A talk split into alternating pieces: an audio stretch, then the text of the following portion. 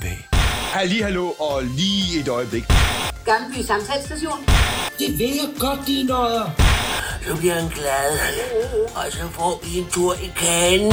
Med vindens sus til julemandens hus. Tøft, jeg skal til Grønland. Jeg skal op til julemand. Jeg hader julen. Jeg hader den. Kranjehåb, ikke? Tag en kringle. Stempel og blikklat. Det dufter af jul. Og velkommen til Her lugter lidt af jul. Vores podcast. Fedt. Vores podcast. podcast. Mit navn er Louise Falkelund, og ved siden af mig, der sidder mine to allerdejligste veninder, Maria Væver og Hej. Line Ryberg Rasmussen. Hej. vi er her nu. Vi er, vi er her nu. Så sidder man her Så her og optager og i prøver, Louises gæsteværelse og laver podcast. prøver på det. Ægte profer. Så proffer. og er meget glad for, at der ikke er et webcam. Enormt glad for, at der ikke er et webcam. Men hvis du lytter til det her, så har du valgt at lytte til Har lugter lidt af jul. Og øh, hvad er Har lugter lidt af jul? Der, der ligger vi jo meget stor vægt på, at det faktisk er et spørgsmålstegn til sidst. Ja. Så det er Har lugter lidt af jul? Spørgsmålstegn. det er en podcast om det, vi alle sammen elsker ved jul. TV-julekalenderne.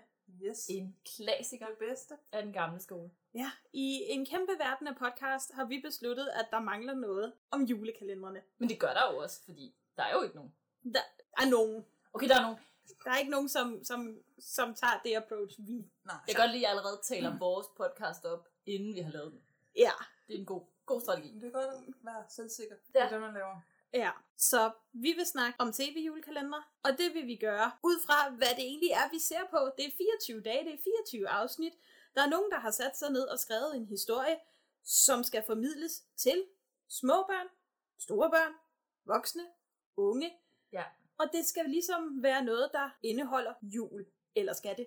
Fordi det er jo det, der... Ja, det er jo så spørgsmålet. Det er jo det, der er helt humlen. Skal det det? Hvad definerer en julekalender? Men Ja. hvis det hedder julekalender, Så må man mene, at det skulle indeholde noget om jul. så derfor vores spørgsmålstegn. Har lugter lidt af jul? Måske. Måske. Det vi prøver der. Det vil vi i hvert fald. Og hvorfor er det så, at vi føler, at vi kan snakke om det? Line, hvorfor føler du, du kan snakke om julekalender? Fordi jeg er Gertrud det er ikke helt løgn. Nej, jeg er typen.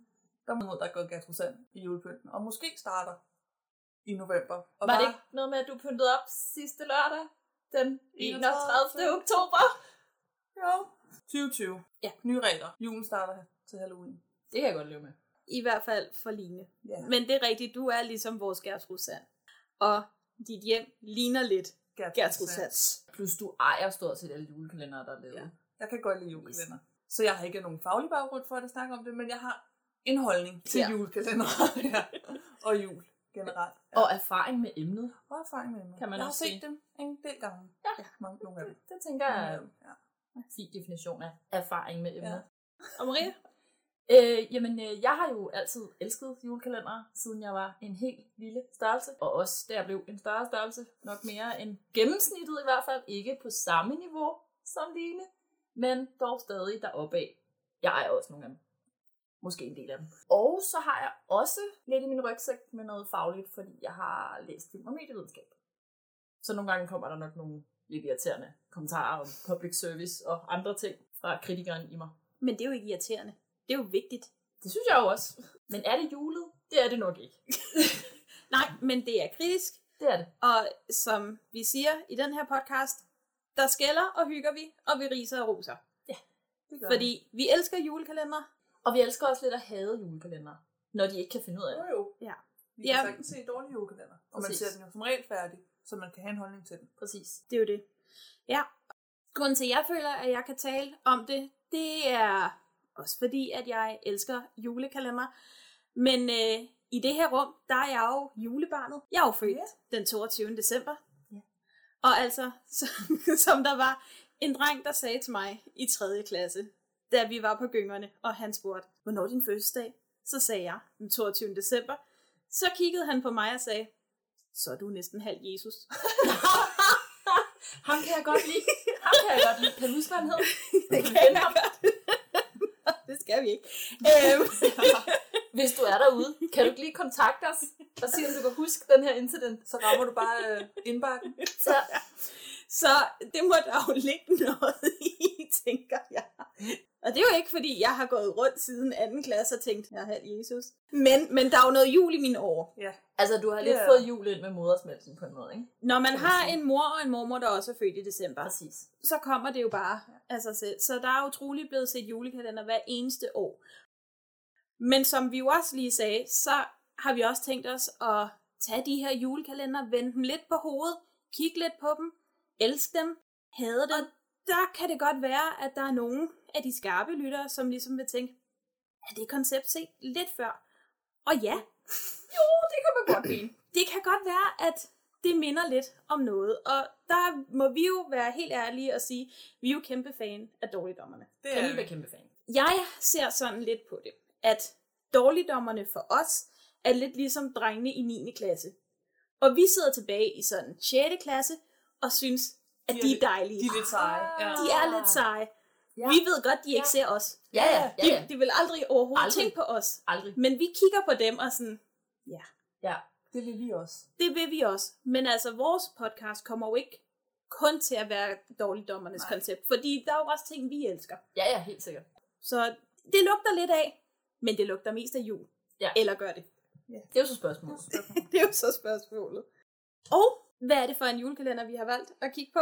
Lige? Oh, Den ja. anden verden. Ja, vi Fra ligger 2016. virkelig hårdt ud med den anden verden. og hvorfor har vi valgt den anden verden? Ja, hvorfor har vi valgt den anden verden? Det har jeg også spurgt mig selv om rigtig mange gange gennem den her gennemtænkning. Jeg tænker umiddelbart, at det kommer sig af, at det er en, hvor at vi alle sammen har meget at sige. Fordi der er ufattelig meget at sige om denne julekalender. Og så er det også en, som vi alle sammen kan huske meget tydeligt, da vi så første gang. Ja. Ja. Netop fordi, at den rammer nogle punkter i os alle sammen. Og vi så den jo ikke som børn Nej. eller unge. Det er vi for gamle til. Vi så den som voksen. Så vi har jo set den med et andet perspektiv, end det den var henvendt til, men ikke desto mindre, så var det noget, vi snakkede meget om. Ja. Så da vi tænkte, nu skal vi vælge noget, vi vil snakke om, vi vil rigtig gerne lave den her podcast, vi skal starte med noget, vi virkelig kan snakke om. Ja. Og vi Den anden verden. om den. Ja, det har vi allerede gjort mange gange før. Ja. Så. Den anden verden, hvad var det for en julekalender? Jamen, øh, den anden verden var jo DR's julekalender i 2016. Den er skrevet af øh, to mænd, Ja. der hedder øh, Bo H.R. Hansen og Nikolaj Scherfi, og instrueret af en, endnu en mand, øh, ja. Lars K. Lund. Yes. Og hvad kan man sige om den anden verden, andet end at den var en af de julekalendere, der nok har fået mest negativ kritik i medierne. Hvad skriver DR selv om deres julekalender? I julekalenderen Den anden verden følger vi tvillingeføsterne Anna og Sara, der tager de første skridt ind i voksenverdenen. I julekalenderen genskabes flere af brødrene Grimms eventyr. Og der kan man jo sige, der var ikke rigtig noget om jul nævnt Nej. der. der. Der blev lagt lidt væk på eventyr. Ja. Og, og udviklingsrejse. Øh. Sådan. Og de to, der har skrevet den, de har også skrevet Jesus og Josefine ja, og Mikkel og og Guldkortet. Mikkel og Guldkortet. Klassiker. Som også er en julekalender. Du sikkert kommer til at snakke om Åh, tidspunkt. men Jesus og Josefine, er, Jesus og Josefine er fin.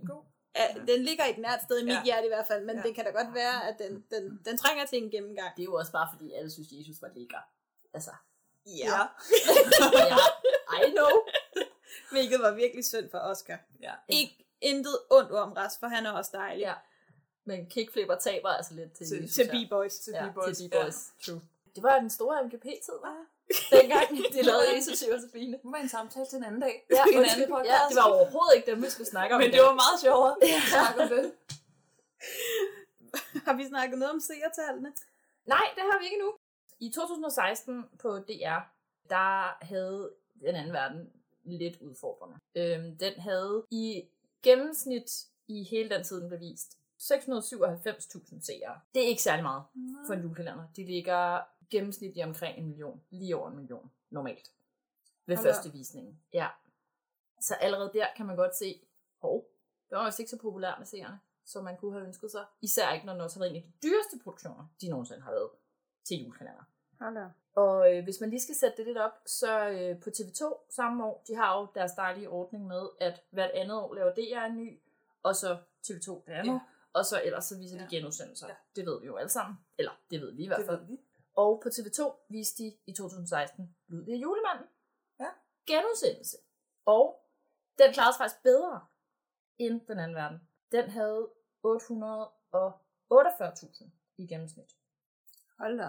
Og den lå også som det mest sete program på den der liste, de laver over, hvad der er blevet set mest på øh, visse kanaler. Så øh, for at sige det pænt, så fik... Øh, nej, okay, pænt er det ikke, men for at sige det lige ud, så fik den anden verden en god røv for TV2. På en genudsendelse for TV2. Er det... Og ikke engang en af de sådan klassiske Nej, det genudsendelser. var ikke Pyrus eller... Nej, Nej. eller Krummens Jul, Eller- eller et eller andet andet. Nej.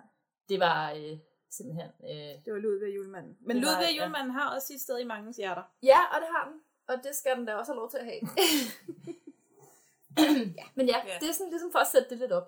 Jamen, øh, skal vi ikke bare gribe i egen bar og begynde?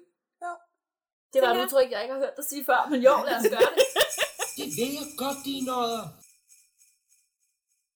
Det, som vi tænker, der kommer til at ske, det er, at vi kommer til at gennemgå afsnittene fra 1. til 6. Så øh, ligesom tage jer med på en rejse i, hvad der sker i den anden verden fra den 1. december til den 6. december. Hvordan starter vi i den Ja. anden verden? Første afsnit, simpelthen. Vi ser en pige, Sara. Lad os køre med nogle navne, kan vi Ja. ja. godt afsløre. Hun står og prøver noget kostume. Vi får meget hurtigt etableret, fordi Sara står med en syerske, mm. som siger, at kjolen ikke for stram, og Sara kigger meget drømmende på sig selv og siger, nej, det er den ikke. Så spørger Sara damen om, mm. om hun nogensinde har prøvet at være forelsket. Og det gør, bliver hun hele tiden. I alle sine kjoler. Ja. Fordi mennesker, det skal man lade være med. Ja, hun, hun, hun er altså... hu- Hun er en dejlig karakter lige fra starten i den syrsken. altså, hun er munter, ikke? Jo, God munter, hyggelig stemning, hun lige lavede. Hun er jo en fantastisk dejlig dame, der står der med turban og sådan dejlig excentrisk, som så fortæller, at at forelske sig, det er den største synd nærmest i verden. det, det giver kun ballade. Ja, Det skal man lade være med. Med mennesker, det, Ja. det, går er ikke. det er Ja. ikke godt. Lige da, da hun sagde det, da jeg ligesom sad der og så første afsnit, tænkte jeg, det var da en underlig ting at sige i et børne-slash-familieprogram. Ja, Og Ja. så kommer introsangen. Så det er ligesom det, der sætter scenen Ja. Ja. For julekalenderen. Velkommen til 1. december. Dig vil jeg godt gå til bal på slottet med. Og så skal vi bare lige finde det helt rigtige hår. Sådan. Sonja, Ja, har du egentlig nogensinde prøvet at være forelsket? ja, det kan du tro. Det bliver jeg hele tiden. I hvem? I mine kjoler selvfølgelig. Jeg elsker dem alle sammen.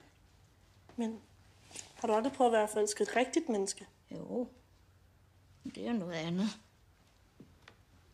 Lad være med det.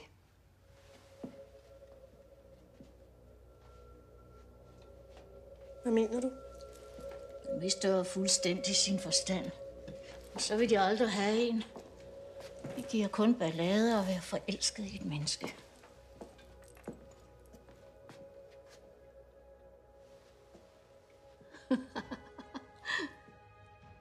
Så ser vi så Sara på scenen som Trond Rose. jamen det er en scene, som er sat i absolut blåt lys. Yes. Ah ja, det er rigtigt. Ja, med trætjørnehæk, som vi skal høre meget om. Når jeg som Lacour skal reparere.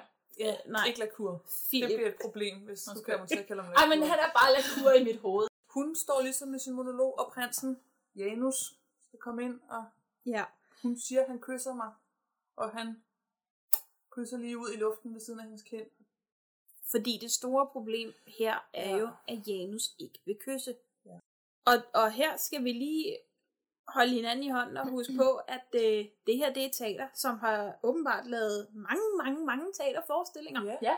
Og vi Meget populært, Vi får også at vide senere, spoiler alert, Ja. at det ikke er Janus første hovedrolle. Ja, Så han skulle være professionel. så hvorfor man har valgt bare at sige, okay, Janus vil ikke gøre det, han skal. Det kan man undre sig over. Det kommer nok til premieren. Det det kommer nok.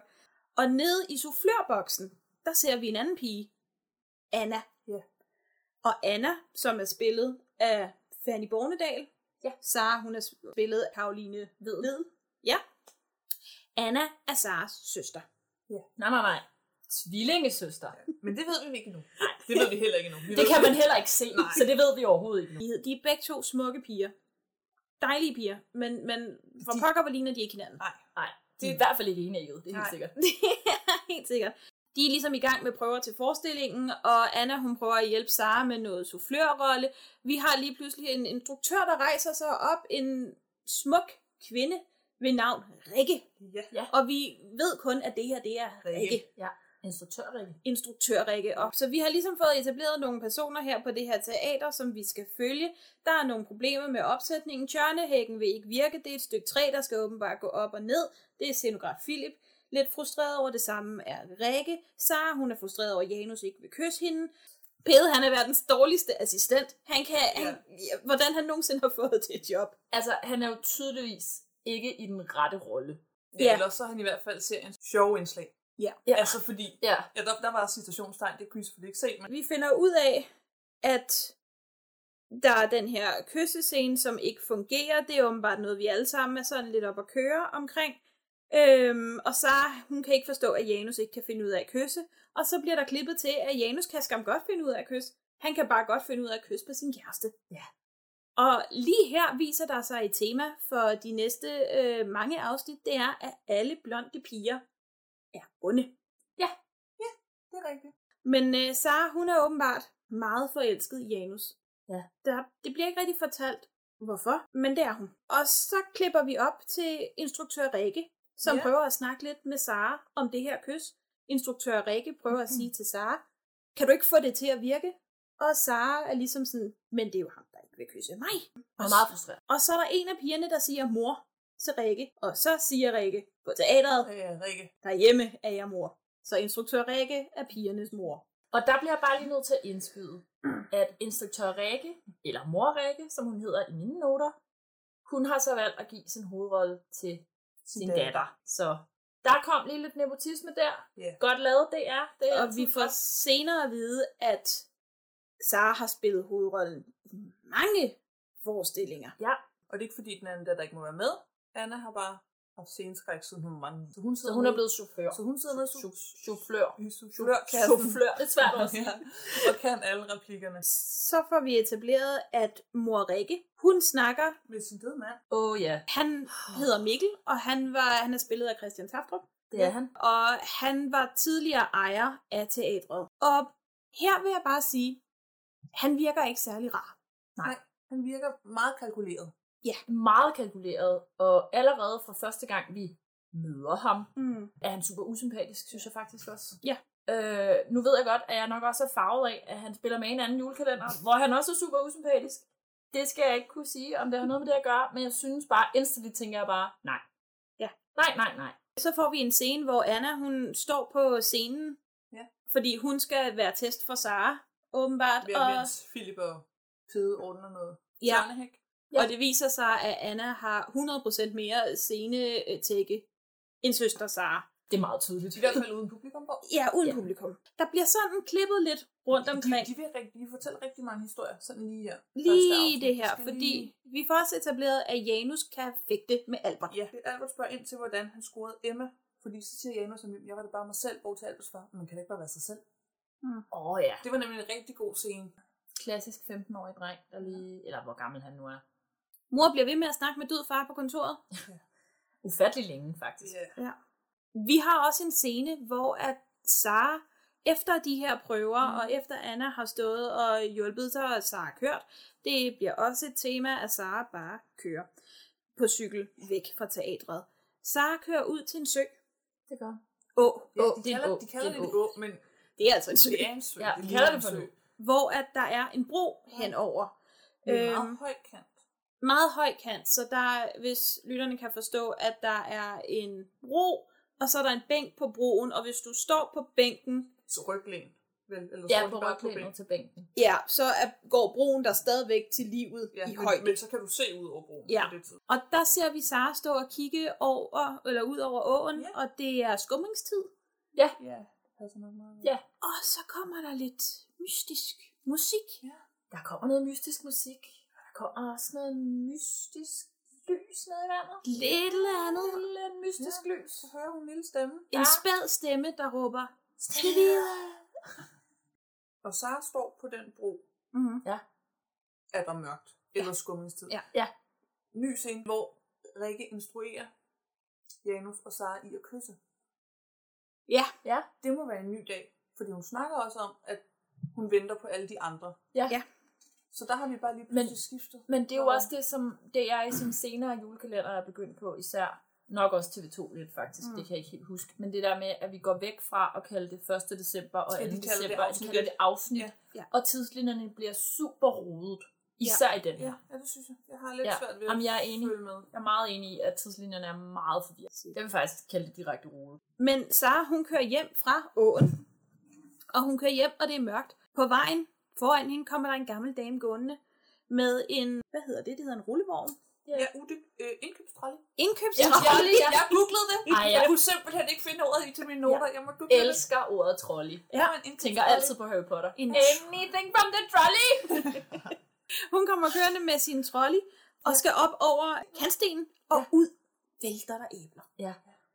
Gammel kone, æbler, Sara. Sara stopper op Bam, bam, bam. Og hjælper med at samle æblerne op. Ja. Og den gamle kone er sådan, tak, tak, vil du have et æble? Og her siger Sara, nej tak. Ja.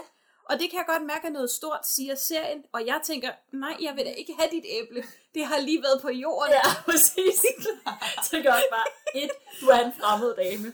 To, du har lige smidt din frugt på jorden. Nej, jeg har ikke tænkt mig at spise det. Og så kommer Sara hjem til et hus, hvor nu Anna og mor Rikke står. Ja, ja, de er kommet hjem. De er kommet hjem, og de har haft tid tilbage. Ja, Ja. ja. de der bag brunkager. Ja. Det er det første jul, vi sådan rigtig ser. Ja, det er, lige- faktisk det, er det første, der lugter en lille smule jul. Fordi der er Ja. ikke rigtig overhovedet pyntet op til jul. hos dem. Men Sara deltager ikke i hverken øh, kagepyntning eller kagebagning. Så tager man en kage og spiser og sætter sig ned, ikke? Ja, det Jo, tror jeg Sådan også. cirka. Noget af den stil. Nej, det er også her, vi får at vide, at de faktisk er tvillinger, og Sara er 10 minutter ældre. Det er rigtigt, det En her, Anna. de fortæller det. Så det er meget vigtigt at vide, at Sara er blandt deres storsøster. Ja. Og Sara, Så er ret træt af sin mor, virker Ja. det som. Sara er Hun meget sådan- træt af sin mor. Hun er meget teen, Ja. teen drama queen-agtig omkring, at mor er for meget, eller mor blander sig for meget, eller, og nu kender vi jo ikke deres barndom, fordi vi møder dem jo først nu. Mm, Men det virker en lille smule dramatisk, den måde hun er på, synes jeg. meget. Og så især fordi, at mor Rikke lægger det over til Anna og snakke med sin søster. Ja, sådan hele tiden. Ja. Ja, men det er jo nemlig, det er også noget af det, jeg har skrevet nemlig, da jeg så det mm. i mine dejlige noter her. Øh, direkte står der, dårlig mor, beder Anna om at tale med Sara for stykkets skyld. Altså, det er det der med, at det gyldne teater kommer før hendes børn, virker det som om. Ja. Og så har de siddet derhjemme, og så har Rikke igen prøvet at sige noget til Sara omkring det kys med Janus. Ja. Hvorfor at hun ikke kan få det til at virke. Ja. Øh, og så er Sara blevet sur. Ja. Og er nu kørt tilbage til broen. Yes. Og der igen bliver vi bare lige nødt til at snakke om en tidsramme. Ja. Fordi Sara er på teatret. Mm. De laver små prøver. Der er et eller andet med den tørnehæk, der ikke fungerer. Mm. Hun kører afsted. Ja. Anna står på teatret. Morike står på teatret. Vi har mange scener, hvor Morike snakker med død far på sofa. Ja. I al den tid har Sara stået ved Søå. Så bliver det mørkt. Hun kommer hjem. Der bliver de andre haft tid til at bage. De er kommet hjem. Ja. Hun er der i sammenlagt 5 minutter, hvor til hun kører tilbage til Søåen. Hvad er det med den søå? altså, hvorfor er hun Ja. så glad for den søå? Og den her gang kører Anna efter hende. Fordi det har mor Rikke bedt hende om. Ja, Ja. fordi mor Rikke har jo direkte sagt, vil du ikke snakke Ja. med Sara for Ja. stykkets skyld. Og så prøver Anna at snakke med sin søster. Jeg vil, der vil jeg lige skyde ind her. Jeg synes, Anna er ret likeable. Ja. Jeg synes, Anna er en ret awesome karakter. Ja, Ja, jeg Hun vil er sige, velskrevet og øh, velspillet. ja. Og hun har noget dejligt pondus i Ja. sig selv og hviler i sig selv. Og hun prøver her at snakke med sin søster, hvor til søsteren svarer relativt flabet. Er det ikke på tide, du begynder at spille hovedrollen i dit eget liv? Ja. Og øh, Rikkes lille hjælper. Ja. Og, sådan. og så hun vil have lidt opmærksomhed, virker det som om, så hun stiller sig op nu på kanten af broen. Som man jo gør. som man jo åbenbart gør, og går der, og Anna bliver klart nervøs og beder hende om at komme Mhm. ned. Og det synes jeg også, at hun er lidt fjollet. Det Så nu er vi gået fra broen, hvor Sara og Anna snakker sammen. Nu er vi igen tilbage på teatret. Ja. Er det samme aften? Nej, det må så være en ny dag. Men jeg ved ikke, hvornår de går i skole, og hvornår alle børnene De går aldrig i skole. Og De går aldrig i de, skole. de går ikke i skole, og det læste jeg et eller andet sted, at det var et bevidst valg, man, valg, man havde taget. Ja. Og det virker jo også rigtig smart, når man laver noget, der skal henvende sig til børn. Men det er jo det, altså selve public service rollen og sådan gør man sådan gør man ikke til børn og unge. Mm. At de ikke går i skole, det er altså en dårlig signalværdi. jeg Ja. synes i hvert fald, at man bør i tale sætte. Ja, Vi går ikke i skole i december måned, fordi vi er blevet fritaget til det her teater et eller andet. Et eller andet, Så må man lige ja. lave en lille sidehistorie, fordi Jeg bliver forvirret over, hvornår de er der, og hvornår Jamen, de det gør jeg også. Ja. Men nu her på den nye dag kommer den, hvor at øh, Janus har taget sin kæreste Emma med, den onde blondine, som sidder nede i publikum, ja. og Morrikke skal nu instruere sin datter og Janus i at kysse. Det er godt nok en lummer omgang, Det er en nummer omgang. Rikke har gang i der. Med sin 15-årige datter. Ja, mm. der bliver sagt ting som, lugt hende, føl hende, kys. Lysten er utrolig stor. Altså, Ja, luk øjnene så. Bliv kysset. Bliv i kysset. kysset. Ja. ja. Stop med at kysse. Stop med at kysse. Altså, øh, Sara er i hvert fald klar, kan man se. Sara er rigtig glad for det kys. Og Sara, hun synes jo, at det må bare være et tegn på, hvor vild Janus er med hende. Ja. At gå fra, at han ikke kan kysse hende, til nu at kan kysse hende, fordi hendes mor beder hende om det, det er jo et tegn på ja, ægte kærlighed. Instruktøren beder, hende, øh, beder ham om det. Det er rigtigt. Så er Ja. ægte kærlighed. Men alle ved jo også, at man kun kan kysse godt, hvis man er smaskforelsket den, man kysser på. Det er jo logik. Sådan er det jo. Ja.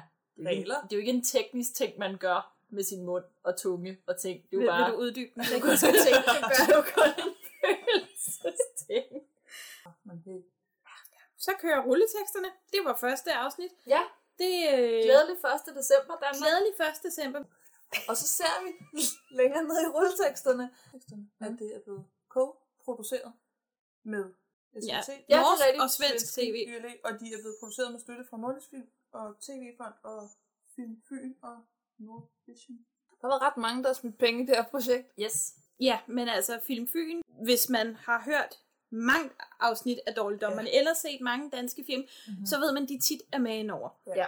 Og vi kommer jo på et tidspunkt, nu skal vi lige passe på, der kommer en lille spoiler, Ja. til et slot. What? Det slot er jo Egeskov Slot, Mm. Ja. Slot. Slop. Eskov slop. som ligger på Fyn. Ja. Og nu vil jeg så sige, jeg har brugt tid på at sidde på YouTube. Ja, efter jeg har set de første seks afsnit, kunne jeg ikke få nok. så jeg blev ved. Og så ligesom den her videodagbog af pigerne, som de har lagt op på YouTube. Alle skovscenerne er filmet i Sverige. Okay. Ah, Mm, så ja, men det er jo også det, fordi man skal jo nemlig optage eller i arbejdspladser eller ja. andet for at kunne få støtte fra Ja. andre lande. Ikke? Jo.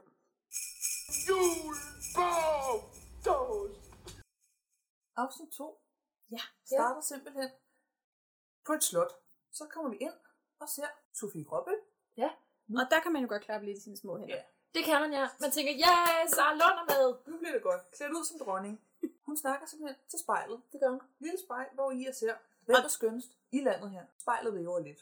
Spejlet vil faktisk ikke rigtig svare. Nej. Men skal vi lige snakke om, Hvem hvem der er spejlet spejlet? Er Nicolas the Bro. one and only Nicolas Yes. Bro. Og han er i full on sølv body paint. Yes. Ja, det er sjovt, du siger det. For det første, jeg tænkte, det var, er han nøgen? Det er han ikke, han har et lille lændeklæde på. Ja. Ja. Jo, jo, men altså uden øh, altså glimmermaling, ja. Ja. eller hvad fanden det nu er, han har på. Ja. Det var han ikke.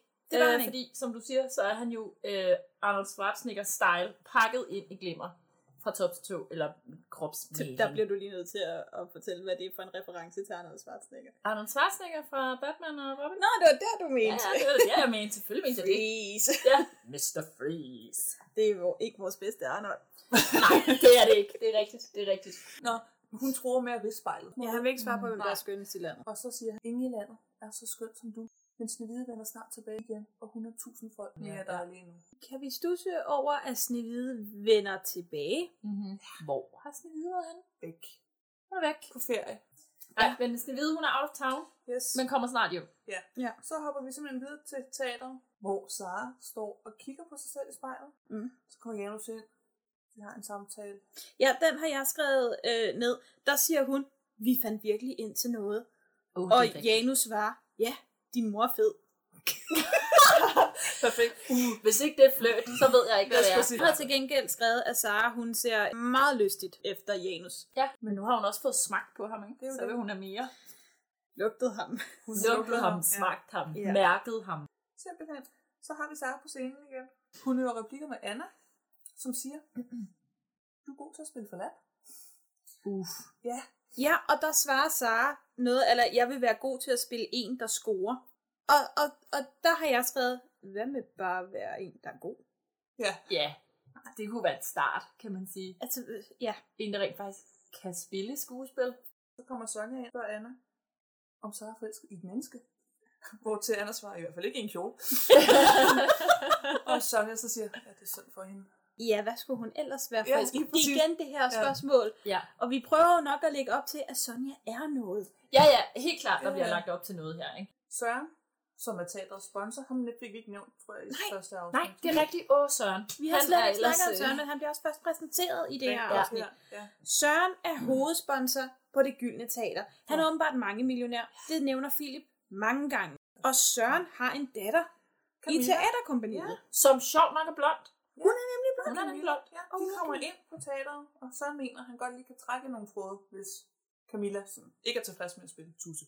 Ja, for Camilla skal spille Tusse, den kendte ja. rolle i, det, jeg ved ikke om vi har sagt det, men stykket de sætter op er jo Tornerose. Så den kendte rolle i Tornerose, Tusse. Yes. Ja. Men det siger hun, hun er. Så han ringer til Rikke Ja. og spørger noget om økonomien. Og kort til, at man så ser Rikke over i værkstedet hos Philip. Og hun siger, mener, at de bør droppe tørnehækken. Mm. Og så siger Philip, med det er det gyldne teater, og vi er ligesom berømte for vores scenografi. Ja. Og Ja. så siger Rikke, ah, vi er berømte, fordi vi har de bedste børne- og ungdomsskuespillere. Ja. Ja, og der har jeg skrevet, okay. Ja. ja. Hvorfor bruger I dem så ikke, har jeg tænkt. Hvor er de? Ja, præcis. Er de også på ferie? Så siger hun, men hvad vil det koste? Og Nå, det er det fordi, der han skal have den der nye. Så svarer han, det kommer bare til at koste 20-30.000. Gifter vi til en ny scene. En ny fægtescene med Janus og Albert. Ja, er det lidt homoerotisk? Ja, det, Det har jeg også tænkt. det er den. Det har jeg også tænkt. De ender i hvert fald med at ligge rode rundt. Der er Ja. citationstegn igen. Ja, ja. rundt på gulvet. Ja, ja, og først har vi øh, falderskamp, Ja, ja. ikke? Jo, jo. Altså, Med det er... kosteskaft, eller hvad de laver Ja. der. Der er lidt kemi mellem Albert og Janus. Der er mere Ja. kemi mellem Albert og Janus, end der har været mellem Janus og Emma, og Janus Janus og Sara. Ja. ja, det var præcis det samme, jeg tænkte, der Ja. ja. så scenen. Det, det, er sådan, det, det er lidt dejligt for de drenge, tænker jeg. Ja. Det er lidt synd for Albert, fordi Janus kan åbenbart ikke helt finde ud af, Hvad han vil. Janus er lidt småforvirret, virker Ja. som om. Ja. Men det ser Sara kommer gående udenfor, kigger ind ad vinduet. Janus' telefon ringer. Han går ud og tager den. Emma aflyser Janus og hendes skøjteaftale Ja. klokken Om 5. aftenen, ja. Og så siger han, jeg tager ud og skøjter lige meget hvad, så kan du komme, hvis du har lyst. Men den samtale har Sara overhørt. Ja. Ja. At nu Men skal Janus ud og Ja. skøjte alene. rimelig meget med vilje, ikke? Det Jo, er jo, om. jo, jo. ja. Øh, man ser lidt lys under vandet ved broen. Der er lidt Men, øh, mystiske ja. lys igen. Så ser man Sara. Der er mystisk lys, Mm. mm. der er søå, men så er der glad guitar. og og der, der er lydsporet jo til den her også. Den, det, er, det er også skønt. Jeg kan faktisk rigtig godt lide musikken, ikke introsangen, fordi den er noget helt for sig selv. Mm. Men musikken i selve serien er faktisk rigtig fin. Jeg synes bare, at de bruger den lidt sjovt. Det er sådan lidt som om, at den stemning, de laver med musikken, ofte ikke helt passer til billedsiden. Ja, I mit enig. hoved. Og det er jo kontrapunktisk musikbrug, Ja. hvilket man jo godt kan gøre, hvis man kan finde ud af det. Ja, præcis. Og Sara øh, planlægger tilfældigt og stod ind i Janus Åh, oh, det på er rigtigt, ja. Ja. øhm, og hun prøver at finde ud af, hvad hun skal sige. Hun siger, at hun skal lade sig falde, Ja, og så skal Janus komme og spørge, er du okay? Er det sådan? ja, ja. Hun skal ikke virke alt for sikker, da prinsesserne i eventyrene Ja, ligesom netop. altid bliver hjulpet af en prins. Ja, og det er jo det så er her, Anna så klogt spørger ind og siger, hvorfor er det egentlig sådan? Ja, Anna. Lige præcis. Hvorfor er det sådan? Og der Ja. svarer Sara bare, fordi det virker. Ja. Ja. Men vi har også lige en lille hurtig samtale mm. om, at Anna siger, ej, du må simpelthen ikke bruge, er du okay, sætning. Det er så kliché. Jeg Ja. skriver den altid ud af mors manuskripter. Og der har jeg det sådan, hvor er det dejligt at høre, Anna, at du også sidder og laver korrektur på din mors manuskripter. Men der skulle du altså have været lidt mere gavmild med den brede stregpind. Fordi Yep. yep. dialog, der er det her. Ja, dialog, monolog, Monolog, alt er helt skævt. ja. Ja. Men altså, Ja. men, men, men fedt, at det også er Annas job. Fordi så sætter Sara sig ned og tager sig til anklen og siger, au, au. Ja, øver sig i Ja, at Janus, være- vil du hjælpe mig op? Og så kigger Anna bare på hende og rejser sig og går, fordi hvad skal man gøre? Ja. Hun er jo uden for pædagogisk rækkevidde. Hej Janus. Godt at se dig. Sikke en overraskelse. Okay, jeg skal heller ikke virke alt for sikker. Hvorfor ikke? Tænk på eventyrene. Tænk på, hvordan prinsesserne altid bliver hjulpet af en prins. Hvorfor er det egentlig sådan? Fordi det virker. Au! Au! Au! Au! Jeg tror, jeg får min ankel. Kom nu, Janus. Vil du ikke hjælpe mig? Så nu smutter vi altså. Anna! Så det næste, man ser, det er så Rikke og Søren på Rikkes kontor. Mm-hmm. Øhm, og så fortæller, eller så siger Søren jo, han synes 30.000 for en motor, det er lidt meget. Han ejer jo bygningen, den koster også noget at holde ved lige, og han har allerede givet dem en halv million i Mm. år. Og fordi Rikke siger jo så også, at hele forestillingen er bygget op omkring den scenografi over til Sørens far. Ja, og hvor er julen i alt det? Og der giver jeg ham fuldstændig Ja. ret. Ja. Hvis det her det er en juleforestilling, vi får også at vide, at det er deres 15 års jubilæumsforestilling, men den har man altså lagt i julen. Ja. Hvor er julen? Søren, han vil have nisser, og jeg har skrevet, jeg forstår ham godt. Og jeg forstår ham også godt, men jeg synes også stadig, vi til at tænke på, I har valgt Tornerose. Så må man også gå med det. Du kan ikke bare smide nisser ind i Nej, men der er jeg nemlig enig. Altså, jeg er enig lidt med begge to, fordi ja, selvfølgelig skal der være jul i en juleforestilling. Fordi ja. du kan ikke lave eventyret om Tornerose, eller dengang Tornerose vågnede, eller hvad det er nu, de kalder det. Nej. Og så smide nisser ind. Nej, det er selvfølgelig det er også rigtigt, men det er stadigvæk en juleforestilling. Hvis jeg havde postet en halv million og 30.000 i det teater, som for det første er syret til med nepotisme, og hvor Ja. skuespillerne ikke er særlig fede, og min datter spiller tusse, så vil jeg også sige, det er en juleforestilling.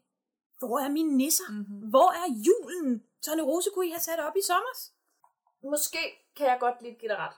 Men samtidig synes jeg også bare, det er lidt interessant, at de vælger at tage en scene som den her, og den dialog mellem Søren og instruktør Rikke, mm. lige her i andet afsnit af en julekalender. Det er jo mega meta ja. for, hvad der kommer til at ske i den danske befolkning. Hele den her diskussion om, hvad er jul, hvad betyder jul for mig, alle de her ting, og skal der være jul i en julekalender slash juleforestilling for, at det er jul.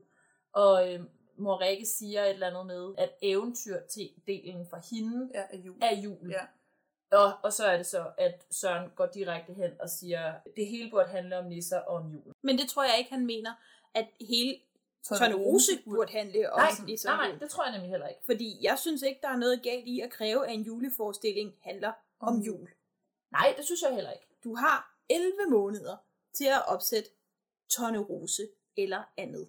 Mm. Jul, der skal jul til, men Søren kunne sk- måske have sagt noget noget tidligere. Og det skulle man synes. Altså, 2. december er lidt sent. Ja, men de, Ja. de forhandler, og Rikke lover ham to nisse scener, og at Camilla kommer til at spille nisse. Ja, det er rigtigt. Øhm, og så overgiver han sig og giver hende 30.000 kroner til motoren. Så er vi på skøjtebanen med Sara og Anna. Men i forhold til, hvad vi snakkede om tidligere, har I lagt mærke til, hvem Janus har taget med i stedet for ja, kæreste ja, ja. Emma? Ja, ja, hans Han- fægtebody. han skøjter med altså. Ja, ja, de er ude at skøjte. Ja, det er sødt. Ja, Det er sødt. Sara skøjter. De skøjter hen til dem. Ja. Sara skøjter hurtigt om bag ved dem. Ja. Og sætter sig ned og siger, au. Au, au. Mm. Ja, og Janus hjælper hende op og spørger, om hun er okay. Og så griner Sara. Ja. Fordi det er så kliché Ja. at sige, at du er okay. Anna, hun griner også og falder. Og så hjælper Janus hende op. Og de har ligesom lige et moment. Ja, Janus har en tydelig connection med søster, mm. og vi lægger op til drama Mm. senere hen. Men det illustrerer også ligesom kontrasten mellem at være sig selv, og at prøve at være noget, man ikke er. Ja. Men Sara tager Janus væk fra Anna og skøjter videre med ham. Ja, fuck Anna Albert. Ja, lige præcis. Ja. Så får vi lige en skøjtemontage, og så er Sara ved at falde, og Janus griber hende i sine arme. Og så kysser Sara Janus. Og ja. det er jo vigtigt at pointere. Sara kysser Janus. Vi Yes. ser det Ja. alle sammen. Men Emma kommer i hvert fald ind og siger, hej Sara eller andet, og så Janus væk.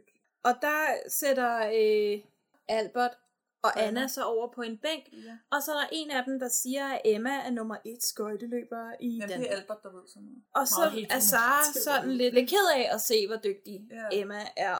Men så klipper vi til en scene hjemme igen. Mm. Hvor Anna så spørger, måske skulle du bare prøve at blive forelsket en anden. Han kan ikke andet end stå og se lækker ud på en scene. Han kan aldrig sine replikker.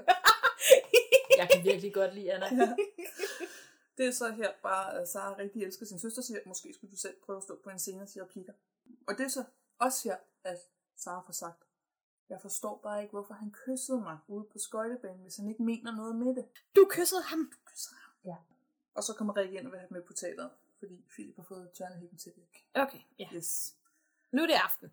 Ja, så har vi Sara på scenen med sin monolog igen. Øh, Anna spiller Janus Mm. Prinsen.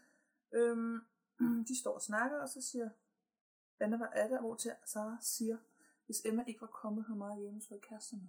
Øhm, nej, så hvis Emma ikke var kommet, så havde Janus måske spurgt dig, hvorfor kysser du mig? Vi står ikke på scenen. Eller også så havde han ikke gjort det, for han slår mig ikke som typen, som vil stille det spørgsmål. Nej. Men I havde ikke været kærester, for Janus har en kæreste, og du kyssede ham. Det sidste, vi ser, det er simpelthen, at der filmes på vandet.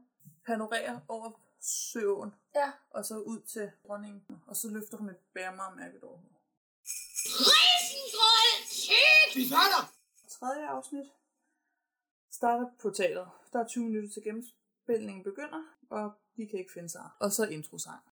Og så ser vi Sara stå på broen efter introsangen. Dagdrømmer om Janus. Og hans Ja. kys, deres kys Ja. på skøjtebanen. Hendes telefon ringer, og hun tager den ikke. Og så ser vi Anna komme cyklende hen til Sara, som ligesom siger, nu er der 15 minutter til gennemspilning for Søren, så det er ikke bare en En gennemspilning. Anna siger, det ligner ikke dig, du plejer at være professionel. Hvor Sara siger, ja, det er så bare ikke lige i dag, okay? Sara faktisk så siger, jeg bliver nødt til at spørge ham, om det er seriøst. Ja, Ja. hun prøver lidt at sådan etablere et narrativ om, mm. at hende og Janus nu er noget. Ja. Der går Anna ind og siger til Sara, at det er noget, hun bilder sig ind. Det eksisterer ikke, det her.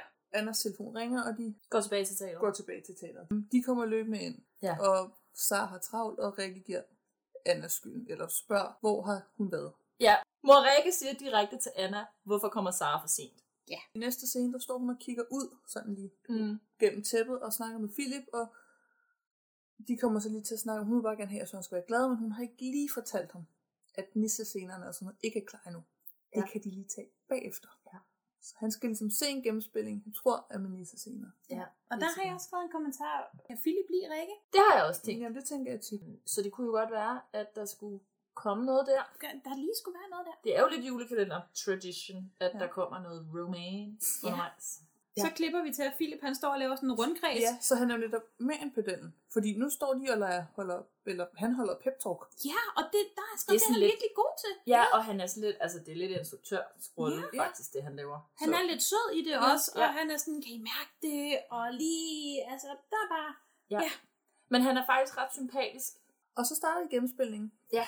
Og Sara og nogle andre er på scenen. Det er, jo, det er ikke lige Newton og Rosa Prinsen. De står backstage. De står og kigger ind på scenen. Ja. Og det er så her, Sara vælger at starte samtalen med Janus. Er det seriøst mellem dig og Emma?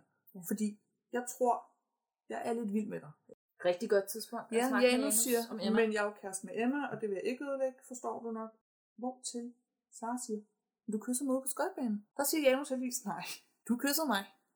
Ja. Men, men hey, vi kan stadig være venner. Og så kommer Sonja og skubber Janus ind på det. Det, det, er sygt. det er så uprofessionelt på alle måder Det det at også. tage en samtale på den måde på det tidspunkt. Ja. Problemet er, at hun er jo ikke professionel. For det næste, vi ser, er, at så har de der scene, og hun står og har sin monolog, og hun skal bukke sig ned og kysse ham. Men så Ja. ja. kysser hun ham nemlig ikke, og rejser sig op igen. Og så siger Anna nede fra soufflørboksen, du skal kysse ham nu, hvor til Sara siger, "Mm, det, det kan jeg ikke, og forlader scenen. Og så går hun ud og græder Ja. og sidder på en trappe. Yes. Og hun er virkelig, virkelig ked af det, fordi Janus hellere vil være sammen med sin egen kæreste. Og der går søde Anna hen og lige holder om sin søster. ja.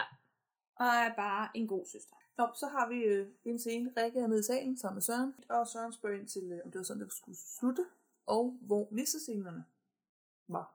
Ja, han spørger så ind til Sara, om hun kan klare det, og Rikke forsvarer sig. Rikke siger, at Sara er den mest professionelle menneske mm. i hele Ah, verden. Ja, nej. Ja, det, ja, det er Ja, rigtigt. kommer Sara og Rikke op og skændes. Mm. Mm. Øh, om hvad? Det er, ikke, det er lidt uklart, fordi der er ikke rigtig noget tidspunkt, hvor Rikke skærer igennem og siger, hvordan er det, du opfører dig? Nej. Vi har en øh, forestilling, der står og falder med dig. Ja. Og Sara, hun er rigtig teenager og siger, Hallo, forstår du ikke dansk eller hvad? Jeg sagde, jeg ikke ville snakke om det. Ja. Jamen, det er så godt skrevet. Ja, det er er virkelig godt skrevet.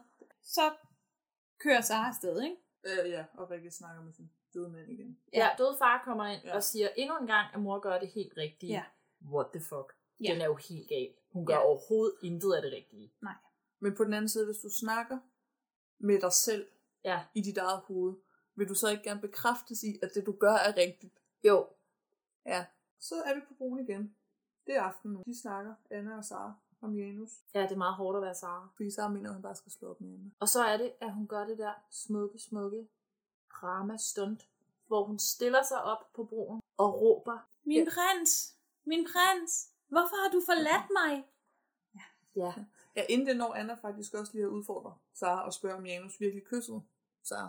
Nå, så hun har fattet, Hvor, at det faktisk hvor. Sara så svarer åbenbart ikke. Og så hopper hun op. Ja, men hun står deroppe og har råbt sin øh, monolog øh, på dramatisk vis, og så råber hun endnu en gang, jeg vil have ham. Nu, nu, nu, nu, jeg er fucking 15. Og så var jeg flad grin. fuldstændig færdig at grine, så jeg blev nødt til at pause den. Men altså, hun falder og slår hovedet på broen.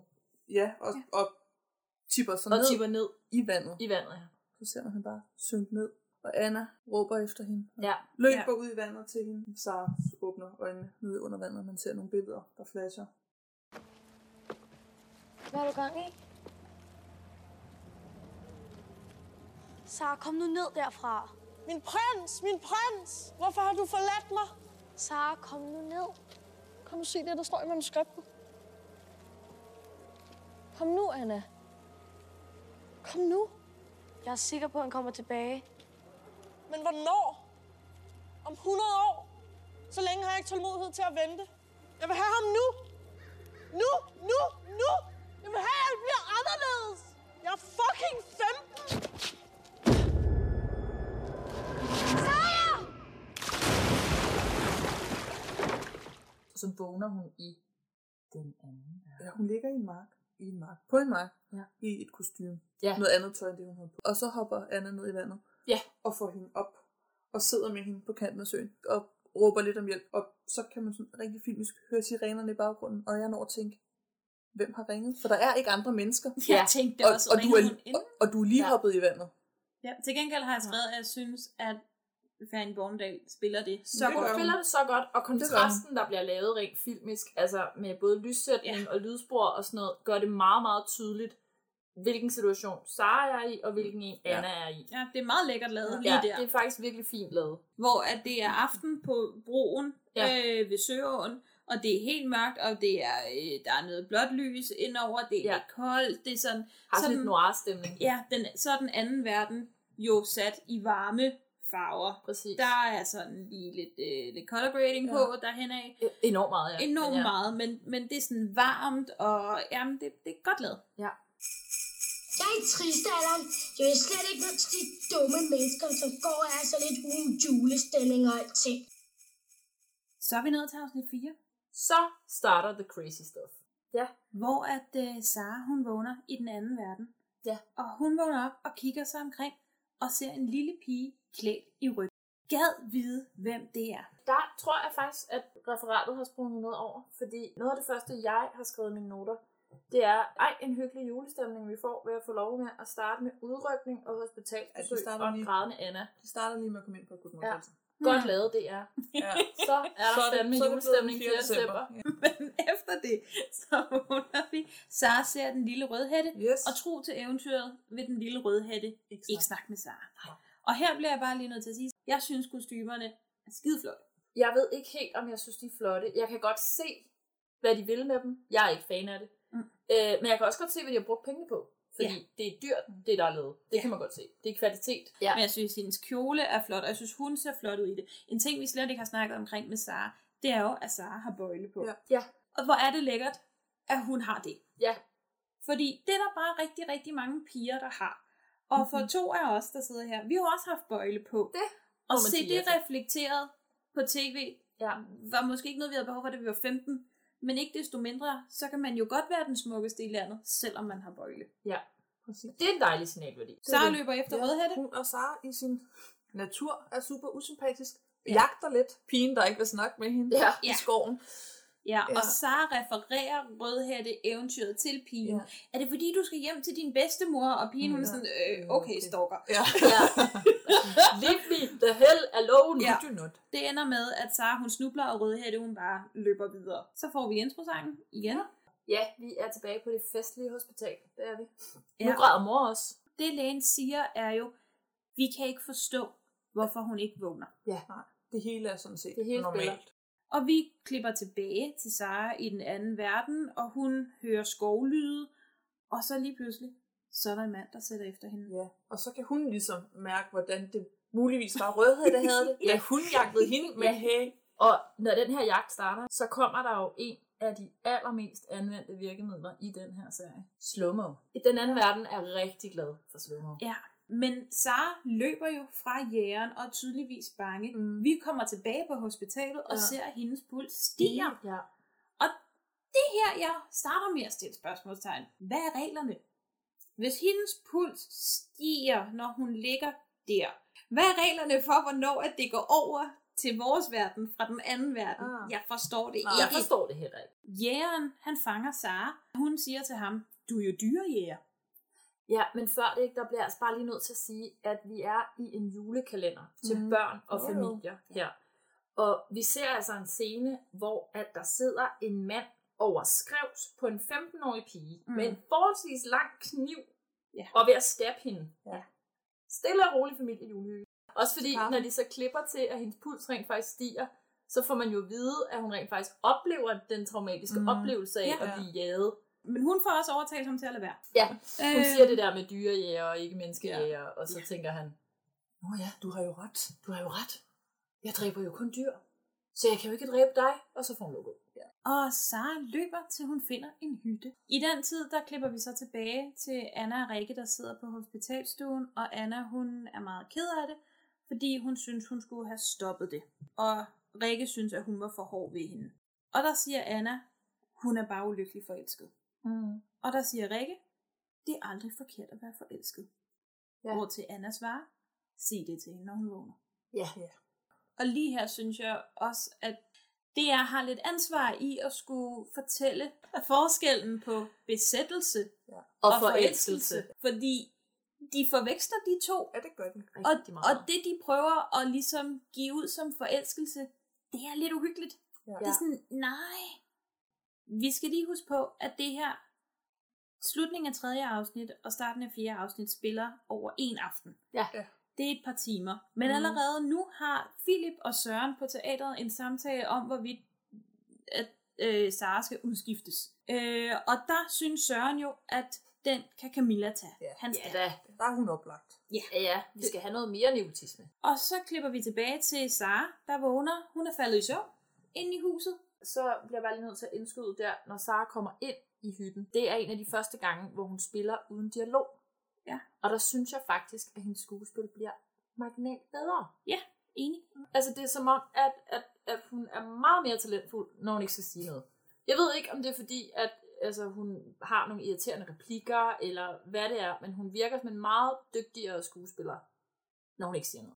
Og hun, lå, hun vågner til lyden af sang, og ind kommer der syv dværge. Og der bliver hun budt velkommen af Heinz. Sara hun præsenterer sig, og dvær- dværgene kan ikke helt forstå, at hun hedder Sara, hvor til den ene dværg udbryder, Snevide! Ja. Og så siger Sara, det kan jeg da også godt være. Og så siger dværgene, at øh, hun er velkommen til at blive, så længe hun gør rent og vasker op. Ja. Hvad? Altså rummet er jo bygget op sådan, at det er et rektangulært hus, Ja. hvor at den ene side er syv små Senge. senge. Ja. I midten er der et stort bord, som bare er fyldt med porcelæn. Ja. Ja, Beskidt Beskidt porcelæn. Ja, skidt porcelæn. Og så er der noget bord med noget arbejdsstation. Det er meget underligt. Ja. Men der vil jeg så også sige, jeg synes stadigvæk, at kulisserne er flotte. Det, er Det synes jeg også. Altså, de er meget gennemførte. Det kan du ikke sige andet. Nej. Sara, hun siger, at hun hører til det gyldne teater, og at hun øh, gerne vil følges ud af skoven. Ja. Og det vil dværgen ikke, fordi det bliver mørkt. Ja. Lige om lidt. Øh, vi ryger tilbage til øh, den virkelige verden, hvor Philip nu ringer til Rikke, som sidder med sin datter, der ligger i koma og ikke vil vågne, Ja. og siger, skal vi ikke lige skifte hende ud? Ja. Timing. Yes. Ja. Camilla siger ja til at overtage rollen mm. Mm. som Tornerose. Yes. Og her skal det lige siges, at Rikke, mens hun snakker med Philip, igen ser sin døde mand, Ja. nu Ja. i hospitalstøj, Ja. der siger, gør som de vil have. Anna, hun prøver at tale til Sara, spørger om hun ikke bare for en gang skyld kan gøre, Hvad der bliver hvad bedt der om. bliver bedt om. Ja. Vågn nu. Men vi klipper til Sara, der står og vasker op, Ja. indtil hun lige pludselig siger, det her, det gider jeg ikke mere. Ja. Og så hører hun en hest. Ja. Uh, det er et afgørende moment. Så jeg hører kommer hun ind på en her. hest og siger, der kommer nogen. Hvem er det? Det er vel ikke jægeren. Dronningen er ude efter mig. Og der bryder dværgene ud i panik, da hun nævner dronningen, og de forsøger at gemme sig. Men Sara kigger ud af vinduet, og dværgene er sådan, "Jamen, det er prinsen. Mm. Han gør ikke noget. Og prinsen har åbenbart, som vi jo alle sammen kender det i eventyret fra Snevide, porcelæn yes. med som lovet. Ja, ja. Fordi de vasker tydeligvis ikke op, så han må komme med noget nyt. Ja. så det er det. Så de går ud og hilser. Og Sara har luret prinsen. Ej, men vi bliver altså også lige nødt til lige at sige her, at øh, virkemidlet slow-mo bliver også brugt her. Ikke? Det bliver virkelig mm. illustreret, hvordan at prinsen rider ind i Saras liv. Det gør han. Altså det er sådan, Men det Wow. på den hvide hest. på en hvid hest. Ja, præcis. Rider lige ind i hendes liv. Ikke? Og der, der noterede jeg, at Sara jo har lidt game alligevel. Ja. Fordi hun ser jo prinsen mm. komme, og hun går ikke bare hen til Nej, ham og siger, hej prins. Nej, Nej, hun kigger, og så går hun lige lidt væk. Ja. Og ja, hun skiller sig ud, fordi hun står blandt syv dværge. ja, det er ikke så svært. Bare lige sige. ja. Så øh, prinsen går over til hende og kysser hende på hånden og siger, hvor er de smuk. Jeg var ikke klar over, at mine små venner herude i skoven gemte på så dyrebar og vidunderlig en hemmelighed. Ja, jo. Nej, fordi prinsen var det jo vigtigt, ikke også? Det var Andreas Schiersen. Ja, I know. Og den har vi haft før, den her diskussion, ikke? Men lige meget hvor pæn han er, er det stadig virkelig klamt sagt med det blik ja, i øjnene. Det er det. Hvor er det smukt. Tak.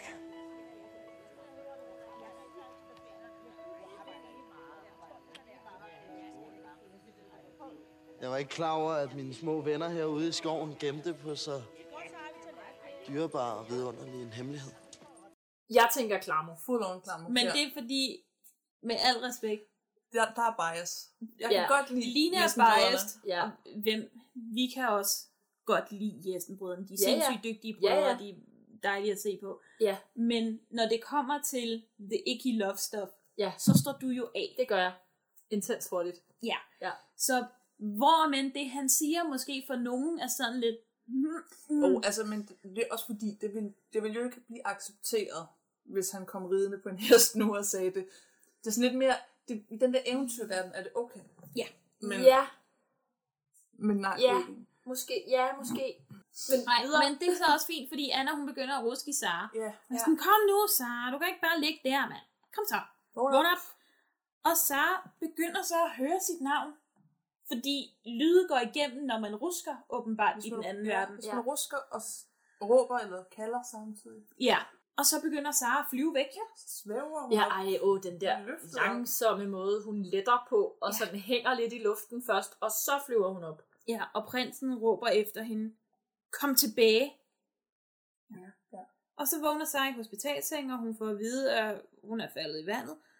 Og så begynder Sara at fortælle, at hun blev jaget af en sindssyg jæger, og der var syv små dværge, og ja. den her øh, prins, og Rikke, hun er sådan, ja, jeg henter lige lægen. Ja, okay. Ja, så det. ja, og Anna siger så til hende, det var en drøm. Og så tager Sara bag på sit hår og finder grænnåle Ja. Bam, bam, bam. og siger, det var ikke en drøm. Stempel og blækglas. Så er vi ved afsnit 5. Ja. Fedt. Hu, hej, hvor det går. Ja. Uh, hej, hvor er det bare går der af. Det starter på hospitalet. Sara er jo vågnet op, Ja. og lægen siger, at alle prøverne er fine. Men øh, hun skal måske lige passe på med at spille teater. Ja. Ja. For det næste stykke tid. Ja. Og der går Anna ind og nævner, at Sara har haft øh, en lidt underlig drøm. Og der siger lægen, det kan måske godt være noget med det kolde vand. Ja, det er noget med, at hendes krop nok er, har gået chok, og så kan man godt få nogle, jeg kan ikke sige det ord, Hallu- hallucinationer. Hallucinationer. Hallucin... Hallucinationer. Jeg kan ikke engang stave til det. Altså, det er helt galt. Hallucinationer, Øh, ja. Og ja. der var andre. Han havde oplevet andre patienter. Ja, præcis. Det var Ja. en normal ting, der skete, Ja, når man gik i chok ja. ved koldt vand. Ja. Ja. Rikke fortsætter med at tale med lægen, og Sara, eller Anna trækker lige Sara lidt væk, og Sara bliver ved med at jable om prinsen og dværgene, og hun må tilbage. Ja. Så kommer introsangen, og så er vi så hjemme hos dem igen. Øh, hjemme i hjemmet, Ja. ikke på teatret, men hjemme i hjemmet, og Rikke har lavet brunch. Ja. Og der bliver talt lidt om, at Rikke skal øve med Camilla i dag, og der bliver spurgt ind til, om Sara synes, det er irriterende, at Camilla skal spille hendes rolle. Ja. Og nu er Sara sådan, nej.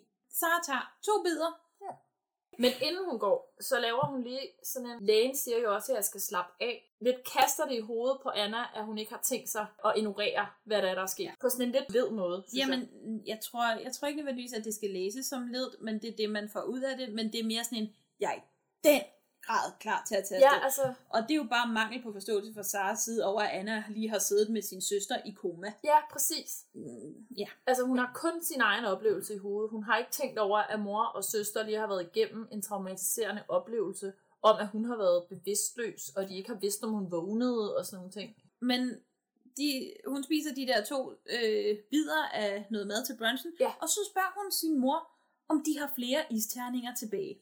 Ja, ja fra fødselsdagen. Ja. ja. Men det har de jo så, fordi hun står lige pludselig i hvert fald med fire poser. Mm. Nej, nej, nej, nej, nej. Først skal vi lige have med, at mor svarer, ja, det har vi.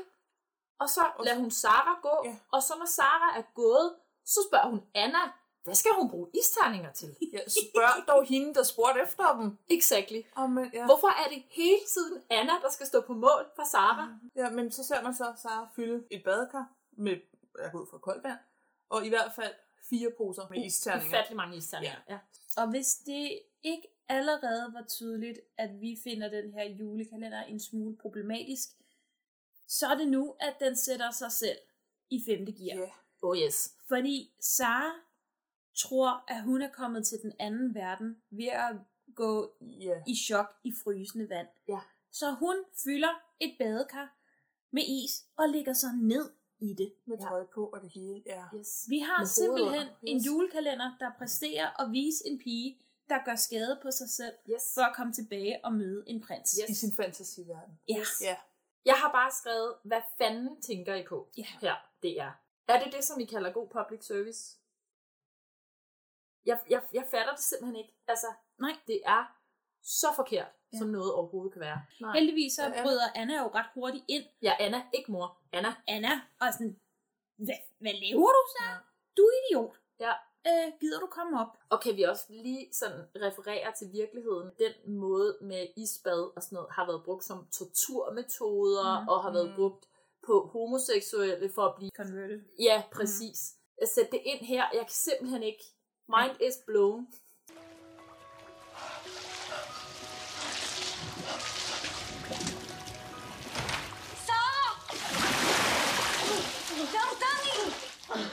Ikke noget. Det er jo iskoldt. Hvad er det, du prøver på? Jeg tænkte bare, måske kunne jeg komme tilbage.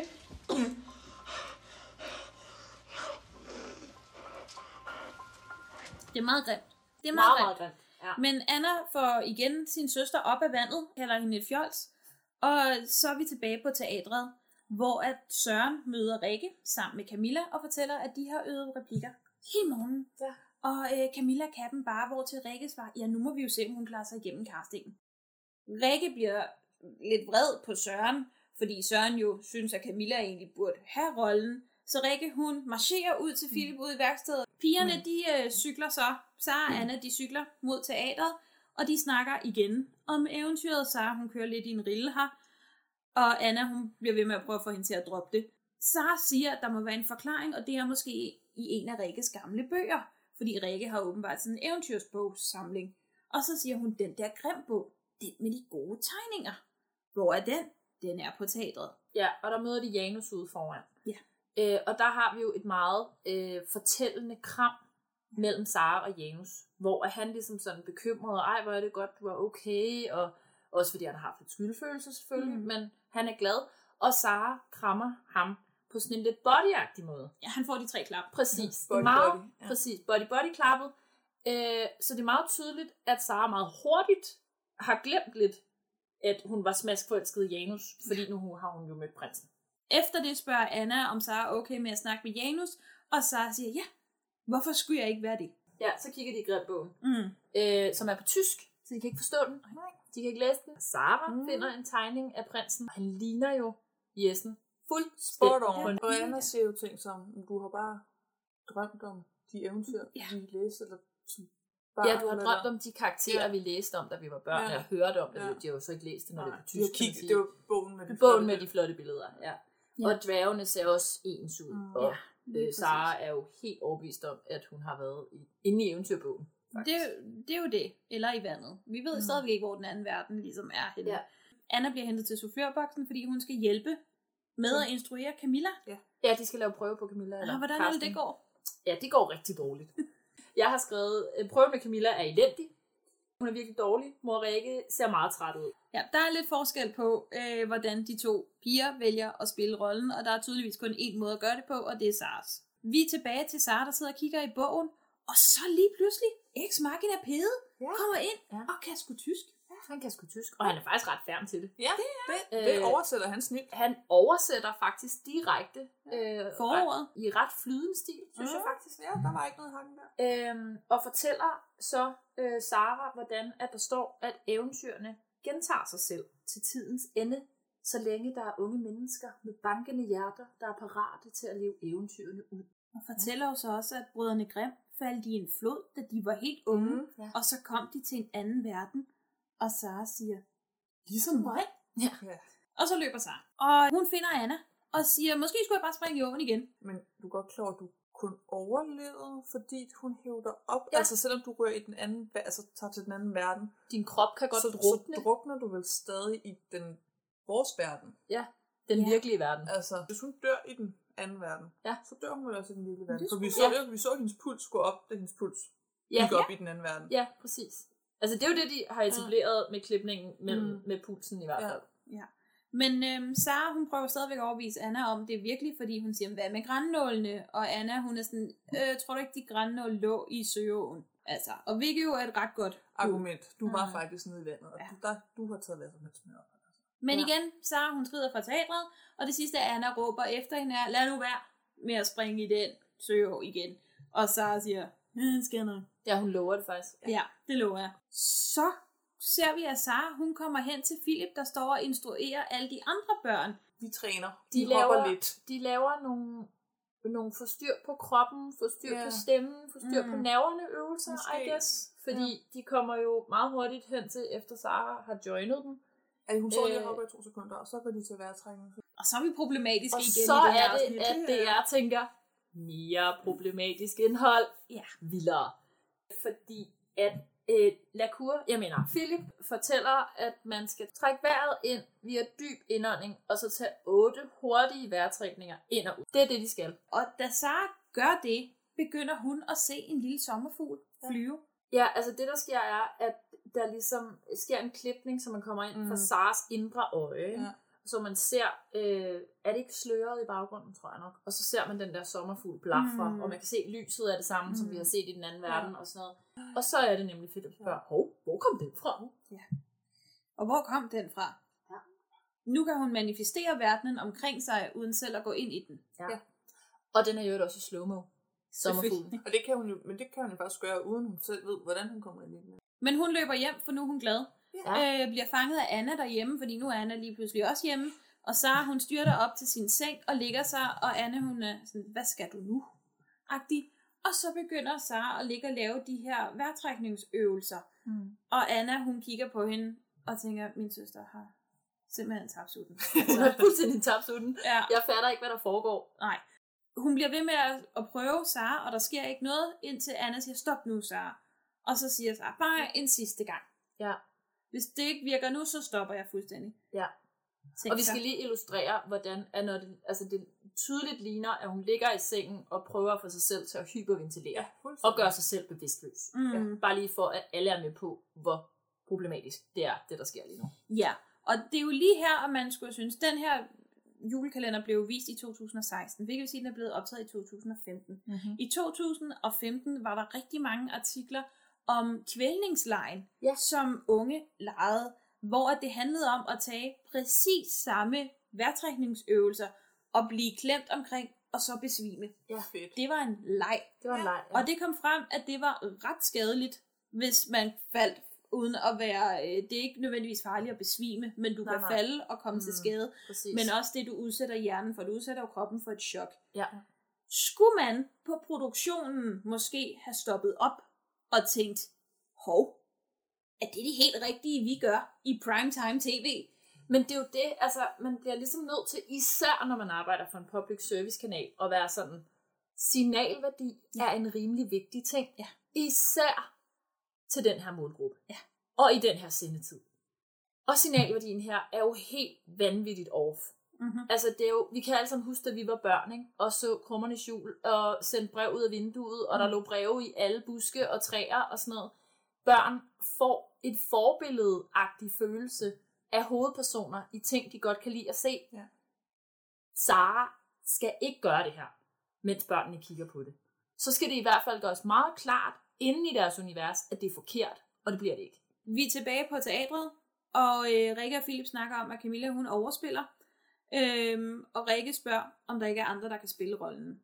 Så foreslår Rikke en åben casting, og Philip siger, at det må du simpelthen selv tage med Søren. Mm. Og så begynder Rikke at tale med sin afdøde mand igen, Ja, ja. som sidder over i sofaen, og han vil have Sara tilbage. Og Rikke siger, men lærerne sagde jo. Og så siger manden, Det, de siger så meget vrøvl, ikke? ja, det er godt. Det er godt at tvinge sin datter, der har været Ja. ude for chok, Mm-hmm. tilbage, fordi den døde mand siger det over i sofaen. Men så er vi tilbage i den anden verden, hvor Sara løber igennem en skov, samler en blomst op og siger, jeg vidste, det var virkeligt. Ja. Og så er også en sluk. Ja, altså billedsiden, lydsiden, alt i afsnittet, når Sara kommer til den anden verden, gør det stik modsatte af, hvad de bør gøre. De gør det smukt, mm. de gør det lækkert, de gør det hyggeligt, de gør det... Altså, de sætter nærmest et lille lighedstegn mellem det, hun gør, fører til det her. Jamen, det fører jo også til prinsen. Ja, men det, Det er jo fedt, ikke? Nej, nej, nej, nej. Altså, er jeg kan slet, jeg har er skrevet meget i caps lock her. Hvad fanden tænkte de på? Altså, jeg kan, nej. Ja, det Nej, er nej. ikke godt. Du er 100% psykopat. Ja. Og ved du hvad? I den her verden, der er psykopat, der ikke noget skældsord. Vi er nået til afsnit 6. Afsnit 6. Og der starter vi med, at Sara er tilbage i den anden verden. Hun løber igen ned til dværgene, som byder hende velkommen med et snevide er tilbage. Så har vi introsangen, og så er vi tilbage ved Sara og dværgene, som byder hende indenfor. Er der nogen her, der lagt mærke til, at den ene af dværgene har et dørslag på hovedet? Nej, det har jeg ikke. Men det eneste, Sara er interesseret i at snakke med dværgene om, det er prinsen. Og der bliver øh, så sagt fra Heinz, Yes. han kommer, når han skal hente sin... Og så stopper han sig selv. Ja. Fordi, det må vi ikke vide endnu. Vi har Hvad set ham tidligere, Heinz sidder og arbejde på noget, der lidt kunne ligne en ring. Ja. Måske. Ja. Eller vi ser det senere. Ja, ja. Vi det ser det på et tidspunkt. Jeg tror, vi ser det senere. Men Ja. det er også Ja, det, nu spoiler vi lidt. Vi ved det Men- ikke, men ja. Ja. Vi ved det heller ikke, og Sara må i hvert fald heller ikke vide det. Så vi får at vide, at prinsen kommer, når han kommer. ja. Suspense, suspense. Ja. Og vi er hjemme igen, og her der sidder Rikke og Anna så igen og snakker ved bordet. Øh, og Rikke vil igen høre Annas take på. Yes. Ja, hvad det er, der sker med Sara. Ja. ja. Øh, og der har jeg, øh, der blev jeg mærke i, der spiller noget musik. Er det julemusik, vi hører? Der må jeg indrømme. Det har jeg ikke lagt mærke til. Fordi, Prøver du at sige her? ja, jeg, jeg prøver At nemlig, der lugter lidt af at der lugter en lille bitte smule af jul her. Tror jeg. Måske. Jeg har ikke tjekket, om det var julemusik. Det gør jeg gerne, for Mm. at vi får helt styr på det. Men det lød lidt af julemusik. Man hører det ikke særlig tydeligt, Nej. men stemningsmæssigt i melodien og sådan noget, det lyder som julemusik. Så det du fortæller mig, det er, at vi havde brunkær i anden afsnit. Ja. Og, julemusik og nu i femte. Nej, 6. Ja, Sjette? ja, Ja. ja. Og selvfølgelig lovning om en nissescene, vi absolut ikke har set noget til endnu. Ja. Vildt nok. Ja. Hvad er det for en samtale, vi har der ved bordet? Rikke, der fortæller, hun overvejer at tage Sara tilbage. Nå ja, der har de Som den. Tornerose. Øh, ja. Vi, øh, vi er tilbage i den anden verden, og Sara står og vasker op og snakker lidt med dværgene. Øh, de fortæller, at de altid har boet der, og de synes, at mennesker er underlige. Men samtidig ser vi, at Anna rusker i Sara. Ja. Og så vågner Sara igen. Ja. Men hun vågner ved, at hun simpelthen flyver op gennem dværgenes tag. Nej, altså hun svæver lidt let, ikke? Og så pludselig shuf, Ja. op i taget. Øh, har træsmønter i håret. Siger også lige lidt, det gør lidt ondt. Men hun har jo ikke slået hul eller noget, Nej, som hun er blevet kastet igennem et tag. Det synes jeg er rimelig, hun må have en rimelig hårdfør øh, hovedskab. Ja, hun fortæller Ej. Anna, at hun øh, var sammen med de syv små dværge. Og Ja. her synes Anna, at det er lidt vigtigt at prøve at fortælle sig, altså du ved godt, at det her eventyr er lidt farligt, ikke? Mm-hmm. Ja, dronningen faktisk vil prøve at slå dig ihjel, hvis du er sådan videre. Ja. Og så klipper vi tilbage til dronningen, og altså, jeg nyder hver en scene, øh, som vi Gråbøl er med i, og Nicolas Bro. Mm. Jeg Ja. synes, de er dejlige.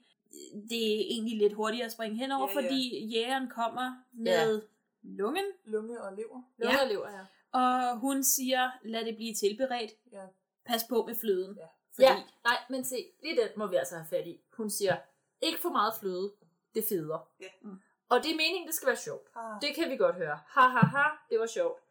Men der synes jeg faktisk, den misser lidt, ikke? Fordi et forsøg på humor, der direkte er tilknyttet fatshaming, det er igen signalværdi. Ja. Ikke? Mm. Altså, come on, det er. Tænk jer lige lidt om. Det er unge piger, der sidder og ser det her.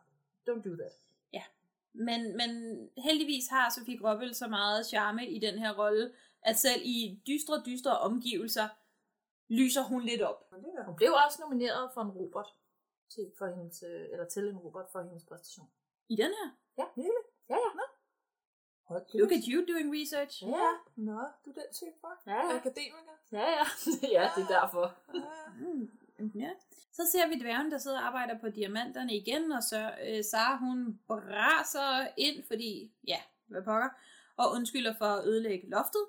Og så skal hun åbenbart reparere loftet. Ja. Og You break it, you buy it. Ja, okay. Ja, that's fair. That's fair. Ja. da hun kommer ind, så ser hun, at dværgene sidder og arbejder på nogle diamanter som de skynder sig at putte ned i en Ja. eller anden kasse. De sidder i hvert fald og fifler med noget, som de skynder at pakke sig væk, da hun kommer ind. Ja. ja, og så prøver hun at kigge på det senere, og så er det væk. Ja, og hun må ikke vide, at de er der, tænker jeg også. Mm. Der er noget hemmelighed der, ikke? Så er vi tilbage hjemme mm. ved huset. Ja. Det banker på døren. Det er Janus. Ja. Og Anna åbner døren. Enter moment mellem Janus og Anna. De er altså lidt søde. De er altså- det er de. Det, det er ret fint, og Janus, han, han er jo han er, han er altså en god dreng. Han. Men han synes nok også, det er lidt underligt, at Sara, hun var øh, hot hot, Og så, og så nu er hun Iskold. bare... Så han er sådan, øh, er hun okay? Er der noget, jeg kan gøre? Hvor til Anna smiler, siger, det er der faktisk. Ja. Og det er et sødt lille moment Ja. imellem dem. Ja. Det er så næste morgen åbenbart i øh, den anden verden, og Sara hun har sovet på en bænk. Dværgene står omkring hende, rusker i hende, og så spørger de, om hun havde tænkt sig, at de skulle gå sultne i minen. Øh, de vil have bregnemos, åbenbart, og hun lapper huller i loftet. Stærkt. Med en hammer. Ja. Kun med en hammer. Ja. Ja. Kun en hammer. Nu sig. kun en hammer. Ja. så må hun selv ligesom manifestere det, hun skal lappe på. Ja. med. ja. Vi er tilbage ved dronningen, der får serveret lever og lunge. Ja. Og hun spiser en bid, cirka. Ja, Ja. det var det. ikke meget. Men hun går straks selvfølgelig hen til spejlet. Det, man kan godt undre sig, over, hun ikke har gjort det i mellemtiden. Ja. Jo. Men, men stadigvæk, hun går Hun hen til, først, til spejlet og skal jo høre. Og spejlet i skikkelse af Nikolas Bro begynder at snakke udenom. Ja, han væver igen. Ja. Der. Ja, han er ikke sådan et meget koncist spejl. Nej. Nej. Han, han, han jabler Ja. lidt, fordi han ved godt, at det hun ikke, det han vil sige, kan hun ikke lide mm. at høre. Og han går igen i gang med, ingen i landet er så skønt som du, mens den hvide lever i bedste velgående hos de syv små dværge, og hun er tusindfold mere dejlig nu. Hun bliver meget vred, Han har fordi snydt mig. Jern har snydt hende. Så hun råber meget højt på jægeren, og man ser ham forsøge at løbe ned ad en gang og stoppe op og godt vide, at det, Ja. Ja, nu er løbet kørt for ham. Ups. Så vi er tilbage hos Sara, ja. der er i gang med at lappe hul. Fordi det er jo ikke en uddannelse at være stråtækker. Nej. Nej, det er det ikke. Det kan Det det kræver- en 15-årig pige skuespiller Ja, ja. godt klare. Det kræver en 15-årig pige med en hammer. Det er ja. så nemt. Og hvad sker der så, mens hun står der og lapper tag? Prinsen kommer ridende så. Ja. Og så ser hun jo lige sit snit til, at hun kan skabe en ny damsel in distress situation, ja. så hun kan komme tæt på ham. Så hun kravler ned fra taget, på og står ja, på hyloftet. Og så lige når han ligesom kommer hen og kan se, at der er nogen, får hun lige sådan sirligt vippet øh, stigen ned, så hun ikke kan komme ned. Men først så siger prinsen, vær hilset, jeg har tallerkener med. Og så begynder Sara og prinsen at snakke sammen, og det lyder, det lyder sådan her. Goddag. Igen. Hej. Normalt så tiltales jeg med et vær hilset deres højhed. Så vær hilset. Jeg kunne ikke øh, få deres højhed til måske at rejse stigen op igen. Spring ned til mig. Nej, der er lidt langt ned. Jeg skal nok gribe dig. Jeg er ret tung, så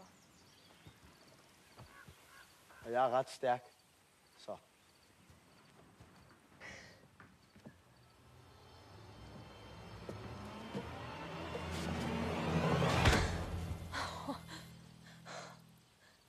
Må tilstå, at jeg håbede, du var her.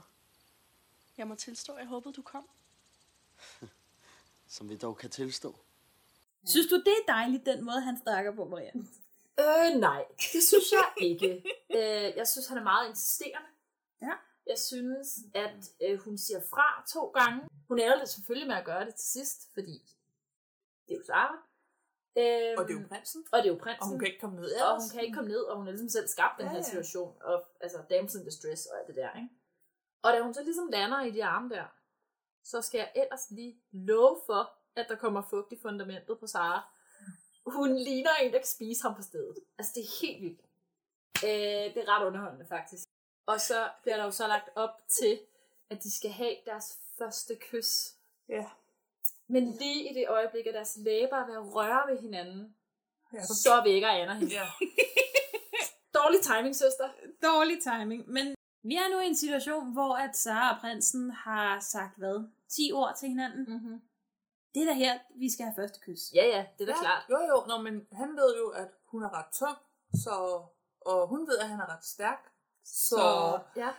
what's, what to know more? Jeg mener bare, har man brug for mere egentlig? Connection, right there. Men, Og fair nok for det. Men igen, for en public service kanal, Mhm. mm-hmm. for en julekalender, Mhm. så skal vi have første kys blandt to mennesker, som det eneste, de har til fælles, det er, at de er pæne og tiltrukket af hinanden. Ja. ja.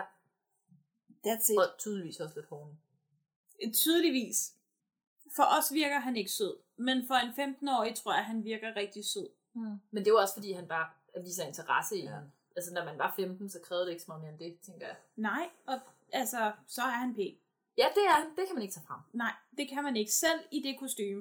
Den Ja, bukser er ikke nødvendigvis heldig. Ej, og den der krone er helt ej. Altså, Han har ikke kronen på nu. Der har han sådan en russisk... Nå, det er øh, rigtigt, han har der virkelig grim hat på. Og så. Ja, Isa. nu synes jeg, ja. Nu begynder jeg også at råbe lidt. Det Ja, er rigtigt. det kan Men øh, ja, vi skal lige klare lydbådet her. Ja. Men, øhm, ja. Men Sara vågner så og bliver sur igen på Anna. Ja. Mm, Anna, jeg var lige ved at kysse med prinsen. Ja, men der har vi et problem, som kommer også til at være gennemgående. Her, at Sara er god til at sige, hey Anna, væk mig lige i aften. Ja. Mm-hmm. Og så blive, så er hammerne sur, når Anna vækker hende. Du Mhm. sagde ikke noget med tidspunkt, og hey, jeg kan ikke se, hvad du laver i den anden verden. Nej, og hun spørger ikke engang pænt. Hun er ikke sådan, gider du ikke vække mig i aften? Eller kan du ikke hjælpe mig? Hun er bare sådan, væk, mig i aften. Ja. Men nu er Sara jo vågen. Ja. ja. Og i Saras hånd, Der er hammeren. Det må man sige. Fordi den havde hun bare ikke på noget tidspunkt lagt fra sig heller. Nej, men- ned fra nej, det loftet. jeg tjekkede det. Jeg tjekkede det. Hun har ikke den hammer i hånden, når hun Men hopper ud. Det har hun jo, Maria. Hun har Ja, ja, men det har hun hånden, når ikke. hun vågner. Nej, men det har hun ikke, Line. Fordi man kan se fra der, hvor hun hopper ned i hans arme, der er kameraet bag hende, og begge hendes hænder er tomme. det er jeg glad for, du har tjekket, for Det har jeg det er meget irriterende. Det er mega irriterende. Ja. Det er bare sådan en ting, hvor fanden kom den hammer fra? Lad nu være. Den var der ikke. Det er jo også ret farligt at hoppe ned med en hammer i hånden. Den, den kom fra den anden verden. Jo, jo ja, okay, det er jeg klar over. Men det, sådan nogle ting irriterer ja. mig bare. Men Anna får Sara med ned i stuen, Mm. Ja. og dernede står Rikke og Janus. Ja, det er intervention time. Det Ja. er det, er det. Ja. Så øh, du, der i forgårs øh, oplevede noget stærkt traumatiserende, som vi egentlig som familie burde deal lidt med, men fuck it. Øh, er du ikke sød at komme tilbage og spille skuespil, fordi, fordi Camilla, hun er dårlig. Camilla er dårlig. Og Sara siger, Det kan han godt. Og her er det vigtigt også lige at sige, at Rikke siger, at hun har snakket med lægen, og han siger ok for det. så vi tager tilbage til teatret nu. Altså, fuck tidspunkter. Det er Ja, ja. ligegyldigt. Ja, Vi er ja. tilbage på teatret. Ja, ja. Og der øh, er Camilla ved at prøve at sætte en ny scene op. Øh, Rikke kommer så ind og siger til hende, så er tilbage, du skal ikke spille. Så bliver Camilla lidt ked af det og går. Og så er det også Og så var det det. Sætte næsten aldrig på spil. Der står, julemanden er en kvinde. Så har vi set seks afsnit af den anden verden. Det har vi. Det har vi. Og vi det har snakket om dem, og det holdt hårdt. Det holdt Øh, ja, hårdt. det må man sige. Men skal vi ikke lige prøve at lige opsummere, hvad det er, DR prøver at fortælle os på Jo. seks afsnit af den anden verden. Vi får etableret en ganske utiltagende hovedperson. Ja. Fordi du skal ikke prøve at bilde mig ind, at Sara og Anna deler hovedpersonrollen. Øh, nej. Nej, nej, så er hovedpersonen. Ja. Ja. Og Anna spiller anden violin, hvilket det virker til, at Anna har gjort hele sit liv. Ja. For Sara. Ja.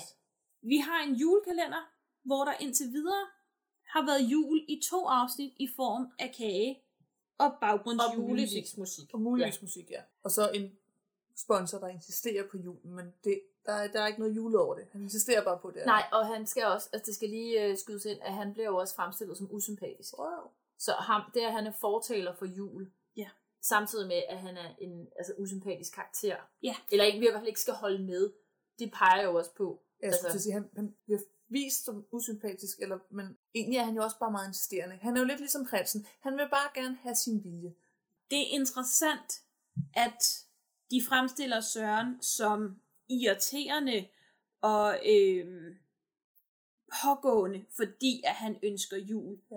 Og det er jo lidt at sige til seeren, du er irriterende. Ja. Du er pågående, ja. hvis du prøver at fortælle os, at vores eventyr skal have jul. I virkeligheden er det en stor fuckfinger til Ja. alle os, der sidder og siger, hvor er julen i min julekalender? Ja, det er nemlig lidt en Ja. fuckfinger. Og det er også, altså udover at det er meta, så er det også lidt interessant, om det er en diskussion, de har vidst ville komme. Fordi jeg synes faktisk, der er flere måder øh, i selve serien, der godt kunne tyde på, at de har siddet i writer's room og tænkt, hvis vi gør det her, så får vi altså seerne på nakken over, at der ikke er jul nok. Mm. Øh, og så er de ligesom gået ind og lavet en kommentar på det i selve julekalenderen. Ja. Vi skal også lige snakke om det faktum, at den her er skrevet af to mænd. Det skal vi, og instrueret af en mand. Ja. Ja. Og øh, der skal være plads til alle, der skriver. Det skal og det er simpelthen så fint. Men at det er to voksne mænd, der skriver en historie om to teenagepiger. Ja. Og teenagepigers forelskelse, Ja. og hvad det vil sige. Det de illustrerer forelskelse som i de første seks afsnit, Mm. Det er en blanding af, af fascination og besættelse. Ja. Det har intet med forelskelse at gøre. Overhovedet ikke. Den der uskyldige, smukke ting, der er i at være forelsket, den er helt væk. Den er helt væk. Ja. Det med at, el- at forelske sig i et individ, i en sjæl, i en I et person, menneske. i et menneske. Ja. ja. Det er fuldstændig fjernet. Jamen, det er mere ja. det der med, at så har besluttet sig for, at det er det, hun vil have. Og så er det jo faktisk næsten lige meget, hvem det er.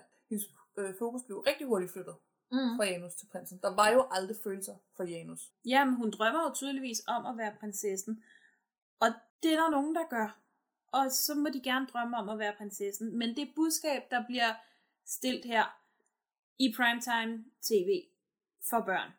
Og de har selv været ude og udtale, det har jeg læst flere steder, at den er ikke ment til små børn. Ja. Den er ment til øh, teenager, Ja. hvor har det sådan, ja, det er den rigtig gode målgruppe. De ja. har jo rigtig meget tid til at se julekalender. Mm-hmm. Det er mindre børn, der sidder og ser det, og de, de fanger ikke det her, men alligevel så ser de noget portrætteret foran sig, som bare er virkelig usundt. Præcis. Altså når man ser den her julekalender, øh, både nu og da vi så den første gang i 2016, for det gjorde vi jo, vi fulgte alle sammen med, da den ja. blev vist første gang. Men begge gange har vi jo haft en alder og en livserfaring og andet, Mm. der ligesom gør, at vi godt kan reflektere over de ting, der Mm. sker.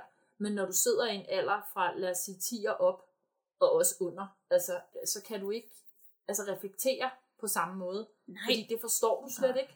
Så de ting, de gør med Sara som hovedperson, er i mine øjne fuldstændig utilgiveligt at gøre i sådan et program som en julekalender. Ja, men jeg er fuldstændig enig. Altså, da jeg var helt lille, og så nissebanden, Mm. ej, hvor ville jeg gerne være gemyse. Ja. Jeg ville jo helt sindssygt gerne være gemyse. Altså, hvilket jo med voksne øjne er, er rimelig skørt. Men det Ja. Men jo. jeg så jo bare gemyse. Ja, du så en, en pæn Nisse. som, Altså, nisse, som bare ja. var mega sød. Ja, så det er jo det som barn, når man sidder og kigger på sådan noget. Og der synes jeg bare, det er et ansvar, når man ved, det er julekalender. Den anden verden, for mig indtil videre, ud fra de her seks afsnit, burde have været en serie på DR3. Ja. Som var blevet vist. Ja. Det er ikke en julekalender. Nej, det er det. Og så skal vi også lige snakke om, vi er seks dage inde. Hvad er problemstillingerne? Hvad hæber vi på? Jeg hæber på Anna. Jeg hæpper også på Anna. Men hvad hæber vi på Anna i? Ikke nu, ikke, nu- der er jo ikke lige nu, er der ikke noget hæb på lige nu Anna er i. der, nej, lige nu er der ikke så meget hæb på, andet end at Anna skal ud af rollen som øh, anden violin. Ja, som, som Saras assistent. Ja, og mors Ja, assistent ja. også. Altså, øh, det der med, at hun sidder nede i, øh, jeg kan ikke sige det der, soufflø, Soufflør. soufflørkassen. Ja.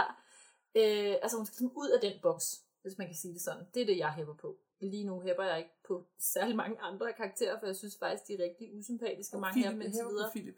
Ikke noget specifikt, men jeg hæver på Philip. Ej, men jeg synes faktisk ikke, at øh, Lacour Philip, han gør noget særligt godt i de første afsnit. Jo, han er god til at han er jo han er god til børnene. Han er god til børnene, han er ikke god til Pede, og han er Ah, også lidt okay. ligeglad med Søren og Rikke, men han er god, når det handler om at pep, pep-talke børnene Ja. og træne Ja, okay, med dem okay, og sådan okay. noget. Okay, den får I. Den får I. Ja, og han, han, det er ikke noget, der bliver sådan understreget med fedtus, men han er lidt den far for Anna, som hun ikke har. Ja. Ja. Han, han er der lidt for hende, det altså. jeg Ja, ja, men, men ja, det kan måske godt være, at det først kommer senere. Ja. Men Så jeg kan synes, at det, det bliver vist, at han forstår pigerne.